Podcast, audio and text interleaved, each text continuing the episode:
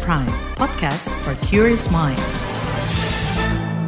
Halo saudara, selamat sore. Senang sekali kami bisa menjumpai Anda kembali dalam program KBR Sore untuk edisi Rabu 1 Maret 2023. Saya Agus Lukman akan menemani Anda selama kurang lebih 30 menit ke depan. Kita hari ini membahas mengenai keputusan Majelis Hakim Mahkamah Konstitusi yang menolak gugatan perkara terkait uji materi sejumlah pasal di Undang-Undang tentang Kitab Undang-Undang Hukum Pidana atau KUHP yang baru.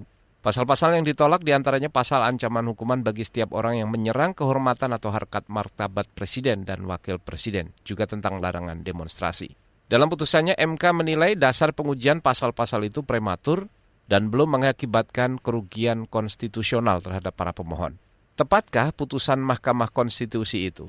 Lalu apa dampaknya nanti bagi hak-hak konstitusional dan situasi demokrasi nasional. Kita bahas lengkapnya di KBR sore.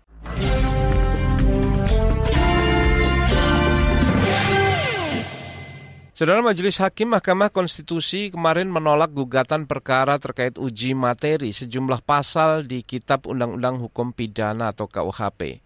Pasal yang ditolak di antaranya terkait dengan ancaman hukuman bagi orang yang menyerang kehormatan atau harkat dan martabat presiden dan wakil presiden di muka umum. Kemudian pasal pencemaran nama baik dan pasal demonstrasi tanpa pemberitahuan.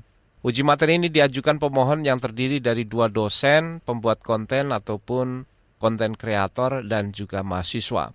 Salah satu pertimbangan Mahkamah Konstitusi adalah Undang-Undang KUHP yang digugat baru akan berlaku tiga tahun lagi atau berlaku tahun 2026. Berikut pertimbangan Majelis Hakim Mahkamah Konstitusi saat sidang pembacaan putusan kemarin bahwa di samping fakta hukum tersebut di atas, para pemohon juga tidak memberikan bukti yang cukup dalam menjelaskan kedudukan hukumnya yang menurut para pemohon hak konstitusionalnya dianggap dirugikan, baik bersifat aktual maupun potensial yang terjadi atau akan terjadi kepada para pemohon dalam menjalankan aktivitas yang terkait dengan pekerjaannya dan dianggap dapat terancam dengan berlakunya pasal yang diajukan pengujiannya. Bahkan jika anggapan kerugian konstitusional para pemohon tersebut dikaitkan dengan KUHP yang saat ini masih berlaku, para pemohon pun tidak memberikan bukti yang cukup tentang aktivitas para pemohon yang dapat diancam dengan KUHP khususnya pasal yang terkait dengan penghinaan dan pencemaran nama baik. Karena sesungguhnya KUHP yang berlaku saat ini pun dan tanpa bermaksud menilai konstitusionalitas norma pasal-pasal KUHP yang masih berlaku masih mengatur bentuk perlindungan terhadap presiden, wakil presiden, pemerintah maupun lembaga negara dari penghinaan dan pencemaran nama baik, sebagaimana perlindungan terhadap hak-hak warga negara. Dengan demikian, pertimbangan hukum putusan Mahkamah Konstitusi nomor 1 garis miring PUI Romawi 21 2023 di atas mutatis mutandis berlaku pada putusan ini. Oleh karena itu berdasarkan uraian pertimbangan hukum di atas, Mahkamah berkesimpulan para pemohon tidak memiliki kedudukan hukum untuk mengajukan permohonan akuo. Seandainya pun para pemohon memiliki kedudukan hukum untuk mengajukan permohonan akuo kuat non dan mahkamah dapat masuk untuk mempertimbangkan pokok permohonan, namun oleh karena terkait ketentuan pasal 218 ayat 1, pasal 219, pasal 240 ayat 1, dan pasal 241 ayat 1 Undang-Undang Nomor 1 tahun 2023 merupakan ketentuan norma yang belum berlaku dan belum memiliki kekuatan hukum mengikat sehingga terhadap hal demikian mahkamah akan berpendirian bahwa permohonan para pemohon adalah permohonan yang prematur menimbang bahwa meskipun mahkamah berwenang mengadili permohonan aku, namun dikarenakan para pemohon tidak memiliki kedudukan hukum untuk mengajukan permohonan aku, mahkamah tidak mempertimbangkan permohonan lebih lanjut. Menimbang bahwa terhadap hal-hal yang terhadap hal-hal lain tidak dipertimbangkan lebih lanjut karena dipandang tidak ada relevansinya. Dengan berbagai pertimbangan tersebut, Saudara Mahkamah Konstitusi menolak gugatan perkara yang diajukan para pemohon. Berdasarkan penilaian atas fakta dan hukum sebagaimana diuraikan di atas, Mahkamah berkesimpulan satu, Mahkamah berwenang mengadili permohonan akuo. Dua, para pemohon tidak memiliki kedudukan hukum untuk mengajukan permohonan akuo. Tiga, seandainya pun para pemohon memiliki kedudukan hukum, quote non, pokok permohonan para pemohon adalah prematur. Empat, permohonan para pemohon tidak dipertimbangkan lebih lanjut. Berdasarkan Undang-Undang Dasar Negara Republik Indonesia tahun 1945 dan seterusnya, amar putusan mengadili menyatakan permohonan para pemohon tidak dapat diterima. Demikian diputus dalam rapat permusyawaratan hakim oleh tujuh hakim konstitusi. Itu tadi saudara putusan hakim Mahkamah Konstitusi yang dibacakan oleh Ketua Mahkamah Konstitusi Anwar Usman. Mahkamah Konstitusi tidak menerima permohonan uji materi sejumlah pasal dalam KUHP yang baru tanpa mempertimbangkan ataupun mengkaji substansinya, melainkan hanya mempertimbangkan legal standing atau kedudukan hukum dan juga melihat bahwa undang-undang KUHP ini baru akan berlaku 2026. Saudara, Kitab Undang-Undang Hukum Pidana atau KUHP disahkan DPR menjadi undang-undang pada Desember tahun lalu. Pengesahan ini dilakukan di tengah banyaknya penolakan dari masyarakat. Koalisi Masyarakat Sipil menilai pembahasan undang-undang ini tidak partisipatif dan bermasalah secara prosedur.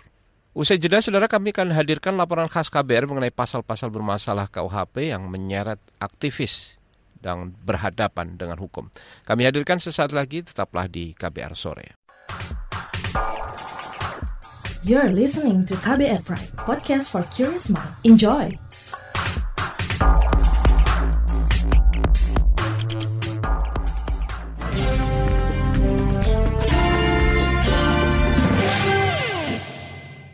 Saudara masih ingat dengan kasus laporan atas tuduhan pencemaran nama baik Menteri Koordinator Bidang Maritim dan Investasi Lut Binsar Panjaitan. Kasus ini menyeret dua aktivis hak asasi manusia Haris Azhar dan Fatia Maulidianti. Dua aktivis ini dituduh mencemarkan nama baik Luhut ketika memaparkan data-data soal keterlibatan atau dugaan keterlibatan bisnis tambang di Papua. Seperti apa perjalanan kasus ini? Berikut laporan khas KBR disusun jurnalis Reski Novianto. Menteri Koordinator Bidang Kemaritiman dan Investasi Luhut Binsar Panjaitan melaporkan dua aktivis hak asasi manusia Haris Azhar dan Fatia Maulidianti dalam kasus pencemaran nama baik dan berita bohong. Luhut menganggap Haris dan Fatia memberikan tuduhan tak berdasar terkait keterlibatannya dalam bisnis tambang ilegal dan operasi militer di Papua. Luhut memastikan akan terus melanjutkan proses hukum dan mengingatkan agar keduanya tak berlindung atas nama hak asasi manusia. Dua kali somasi nggak dipenuhi, ya sudah. Kan saya udah lakukan, semua prosedur hukum saya ikutin. Saya juga diperiksa di Polda, saya ikutin. Tidak ada yang nggak saya ikutin. Sekali lagi saya ingatkan aja, jangan sekali-sekali kita berlindung kepada apa azazi atau kebebasan berekspresi yang bisa mencederai orang. Itu aja. Dan saya tidak akan berhenti Ya, saya ulangi, saya tidak akan berhenti. Saya membuktikan bahwa saya benar. Luhut dikabarkan telah memaafkan Haris dan Fatia. Namun, Sang Menko menegaskan proses hukum terhadap keduanya tetap berlanjut hingga ke persidangan. Direktur Lokataru Foundation Haris Azhar dan Koordinator Kontras Fatia Maulidianti sudah bolak-balik diperiksa polisi sebagai tersangka. Haris menegaskan ia dan Fatia tidak gentar dengan pemindanaan tersebut. Menurutnya, data yang disampaikan sesuai dengan riset yang dilakukan. Kita nggak mau digantungkan, kalau emang mau dihentikan, dihentikan. Kalau mau penjarain, penjarain kita, silakan. Tapi kita akan tetap dengan posisi kita. Kita bukan nggak sengaja, kita bukan ego, itu bukan. Kita memang rekam jejak kerja advokasi di bidang HAM saya dan Fatia sudah banyak dan ini kerjanya para orang yang kerja di bidang advokasi HAM ya sering dibeginikan, bahkan ada yang lebih buruk.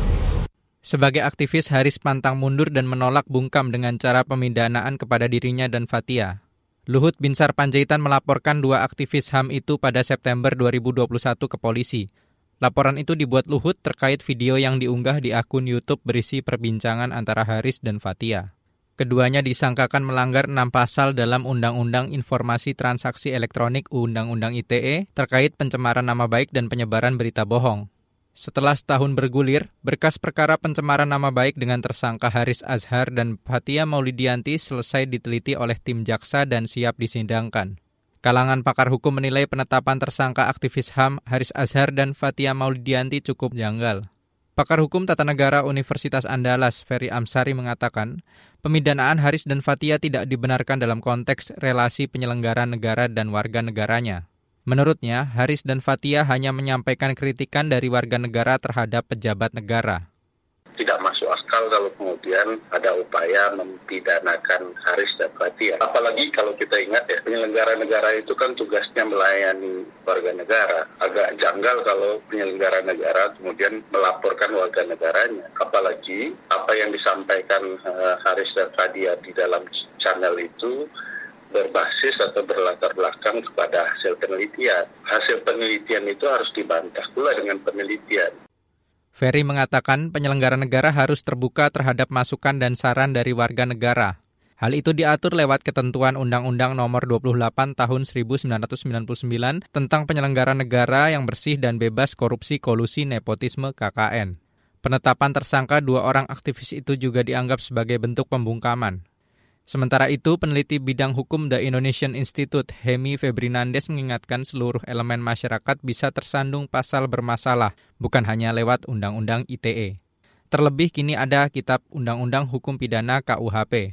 Pasal pencemaran nama baik diperluas lewat aturan melecehkan harkat dan martabat diri presiden atau wakil presiden, sebagaimana diatur dalam pasal 218 dan 219 Undang-Undang KUHP yang akan menjadi korbannya secara langsung itu masyarakat gitu. Keterbatasan masyarakat untuk menyampaikan kritik, lalu kemudian ketidakberdayaan penguasa dalam membedakan mana yang kritik dan mana yang penghinaan itu akan menjadi apa juga menjadi permasalahan karena tidak ada indikator yang jelas kan apa sih uh, makna dari menyerang kehormatan ini kan variabel dan indikator pemidanaannya tidak jelas dan tidak dijelaskan. Peneliti dari The Indonesian Institute, Hemi Febrinandes mengatakan, masyarakat rentan dibungkam kritiknya terhadap pemimpin negara, baik secara langsung maupun di ruang digital. Demikian laporan khas KBR, saya Reski Novianto. Di bagian selanjutnya, saudara, pemohon uji materi menanggapi keputusan Mahkamah Konstitusi yang menolak uji materi terhadap sejumlah pasal di KUHP. Selengkapnya kami hadirkan sesaat lagi di KBR Sore. You're listening to KBR Pride, podcast for curious mind. Enjoy!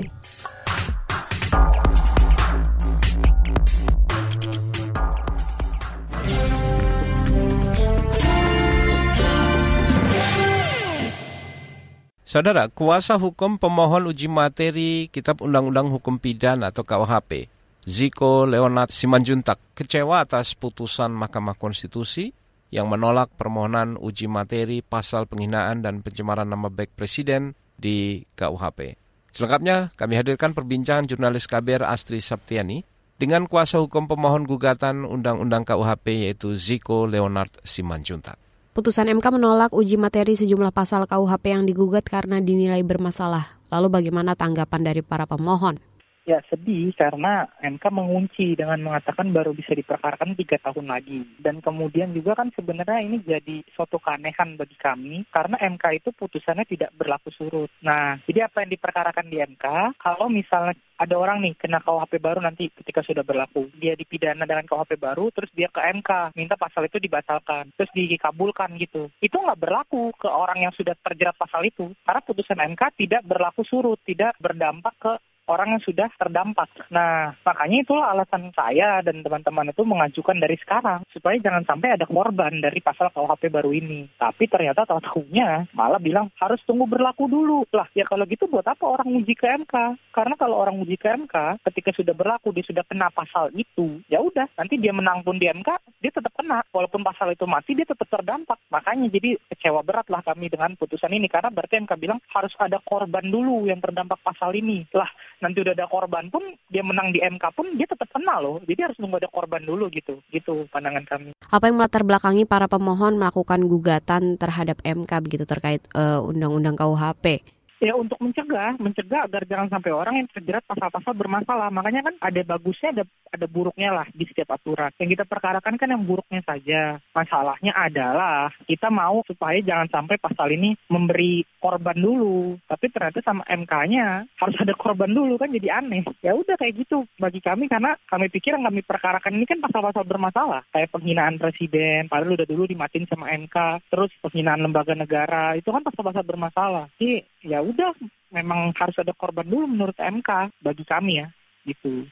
Apa upaya yang bisa ditempuh begitu dari teman teman-teman pemohon begitu? Apakah ada upaya hukum yang masih bisa dilakukan atau mungkin ada upaya lain yang bisa dilakukan begitu menyikapi hasil putusan ini? Kalau upaya hukum udah nggak ada. Sekarang balik ke gerakan masyarakat, apa bisa menekan DPR merevisi. Karena udah nggak bisa diapa-apain lagi. MK-nya bilang tiga tahun lagi kok, udah nggak bisa diapa-apakan. Gitu. Udah mati, udah udah mentok. Pokoknya harus tunggu tiga tahun lagi sampai Januari 2006, 2026. Menunggu tiga tahun ataupun gerakan masyarakat lah menekan DPR merevisi. Gitu. Ini udah udah dikunci, nggak boleh diperkarain sampai tiga tahun lagi. Kalau diperkarain sekarang prematur katanya. Saudara itu tadi perbincangan Astri Septiani dengan kuasa hukum dari penggugat pasal Undang-Undang Kitab Undang-Undang Hukum Pidana Ziko Leonard Simanjuntak. Selain pemohon uji materi pasal bermasalah di KUHP, Badan Eksekutif Mahasiswa BEM UI juga menyayangkan putusan Mahkamah Konstitusi yang menolak permohonan uji materi tersebut. Ketua BEM UI Melki Sedek Huang menilai MK seharusnya lebih peka merespon aspirasi rakyat karena undang-undang itu dari awal dinilai mengancam demokrasi. Saudara penolakan putusan ini dianalisis oleh pengamat hukum tata negara. Bagaimana hasil analisisnya? Tetaplah di KBR sore. You're listening to KBR Pride, podcast for curious mind. Enjoy.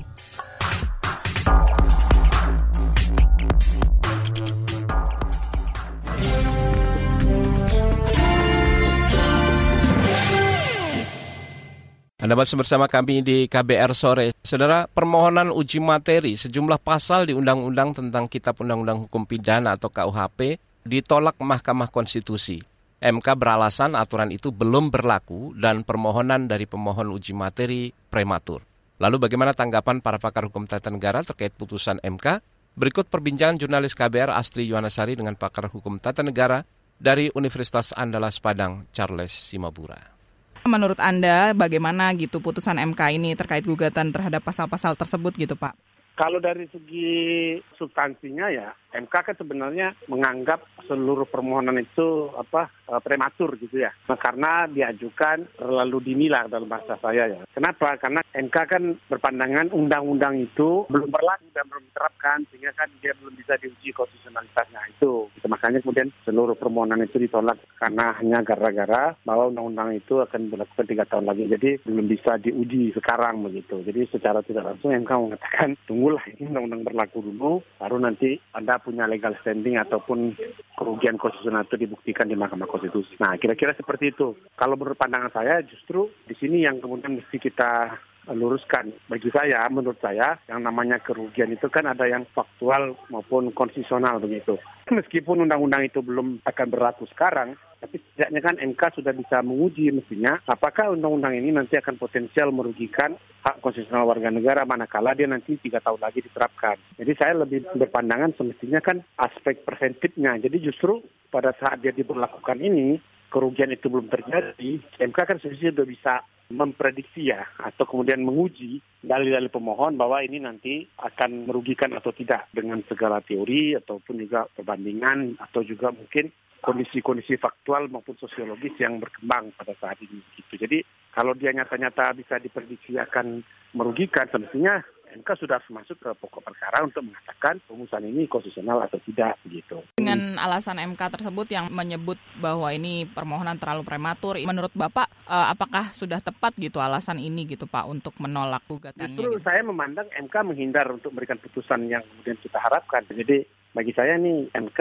sebagai pengawal konstitusi kan mestinya bersifat predictable ya, kan mengira-ngira tapi memprediksi bahwa misalnya ketentuan ini, misalnya ada penghinaan presiden deh, kalau ini diterapkan mestinya kan MK sudah bisa memprediksi kira-kira ini akan membatasi hak demokrasi warga negara atau tidak. Belajar dari apa ya? Bisa jadi dari rumusannya mungkin bisa ditelaah gitu ya, alat dasar hukumnya bisa ditelaah, bahkan bisa diuji juga dengan putusan Mahkamah Konstitusi. Jadi bagi saya ada juga sih yang nyata-nyata kalau dia secara normatif misalnya bertentangan dengan konstitusi. Jadi ada hal-hal yang sudah faktual bisa menjadikan batu uji yaitu putusan MK sendiri misalnya dalam konteks penghinaan presiden. Yang dulu kata MK sudah dikatakan itu menjadi delik aduan dan dilakukan oleh secara personal ya. Tidak kemudian serta merta menghina jabatan presiden. Mestinya kemudian yang juga sudah bisa dibaca oleh MK bertentangan kenapa harus nunggu dua tiga tahun lagi begitu. Dan itu misalnya bisa diberikan putusan sekarang. Dan lagi justru bagi saya di dalam masa kita sosialisasi undang-undang KWP ini kenapa tidak ya kalau ada masukan-masukan dari masyarakat yang kemudian rasanya bisa diterima, peluang untuk melakukan revisi terhadap undang-undang kan bukan tidak mungkin gitu. Dan itu bisa dilakukan. Jadi fase tiga tahun ini bukan fase sosialisasi satu arah saja, mestinya kan fase sosialisasi dua arah, di mana kemudian selain pembentuk undang-undang menyampaikan kepada masyarakat ini rumusannya, dan kalau ada feedback, dan kalau ada argumentasi yang kuat ini memang bermasalah, ya kenapa tidak ada ruang untuk melakukan revisi. Termasuk juga dengan adanya putusan Mahkamah Konstitusi. Itu akan lebih bermanfaat kalau MK memberikan putusan itu sekarang, menyatakan ini konstitusional atau tidak. Terkait judicial review pasal-pasal ini, itu apakah ini uh, bisa digugat lagi atau harus nunggu ini berlaku dulu baru bisa nanti digugat sesuai dengan apa yang dibilang MK kemarin gitu? Kalau pakai logika MK, seperti kita akan hanya menunggu dia berlaku dulu ya tiga tahun lagi. Hmm, jadi nunggu dia berlaku tiga tahun lagi baru kita masukin lagi gugatan. Tapi sebenarnya harusnya. Tapi kalau menurut saya sih, kalau kita bisa membuktikan ya ada kajian dalil yang lebih kuat lagi mungkin ya. Saya juga nggak tahu itu kemarin se seberapa kuat argumentasi substansialnya dan saya pikir itu tetap saja ya kalau masih ada usaha untuk melakukan itu ya mumpung lagi masa sosialisasi bagi saya ruang untuk tetap bisa mempersoalkan itu ke MK tetap dibuka. Jadi tetap ada ruang sih sebenarnya untuk bisa mempersoalkan meskipun nanti dalilnya akan sama digunakan MK tapi kedua-duanya itu kan dia saling berkait Mbak. Jadi misalnya sejauh mana kita mampu memberikan dalil baru, perkembangan ketatanegaraan yang baru yang mana kemudian bisa jadi pada saat ini kemarin diajukan itu belum muncul. Jadi saya pikir ini masih ada peluang lah meskipun hmm. MK nanti pada posisi yang kemudian kalau nanti dia menolak dengan dalil itu lagi seperti misalnya Presiden threshold kan MK bertahan dulu Perpu MK pernah bilang bukan objek Perpu tiba-tiba beberapa kali Perpu diajukan akhirnya MK terima juga gitu. Hmm. Jadi ini saya pikir tetap ada ruang lah untuk tetap memperjuangkan di MK meskipun kemarin ditolak. Saudara itu tadi perbincangan jurnalis KBR Astri Yuwanasari dengan pakar hukum tata negara dari Universitas Andalas Padang Charles Simabura. Sebelumnya, Saudara Mahkamah Konstitusi menolak uji materi sejumlah pasal dalam Kitab Undang-Undang Hukum Pidana atau KUHP, di antaranya pasal penghinaan dan pencemaran nama baik Presiden dan Wakil Presiden, serta larangan demonstrasi tanpa pemberitahuan. Dalam putusan Mahkamah Konstitusi kemarin, Mahkamah Konstitusi menyatakan permohonan dilakukan prematur karena Undang-Undang baru akan berlaku pada 2026. Selain itu, Mahkamah Konstitusi juga menyebut para penggugat tidak memiliki legal standing ataupun kedudukan hak untuk mengajukan gugatan serta tidak bisa membuktikan kerugian terhadap penerapan pasal tersebut. Informasi tadi saudara menutup jumpa kita dalam program KBR Sore edisi hari ini Rabu 1 Maret 2023. Pantau selalu informasi terkini dari KBR melalui situs kbr.id, Twitter kami di akun @beritaKBR, serta podcast di alamat kbrprime.id. Saya Agus Lukman bersama tim yang bertugas kami undur diri. Salam.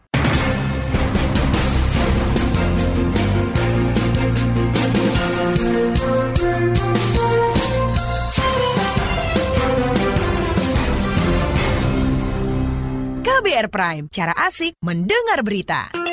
KBR Prime, podcast for curious mind.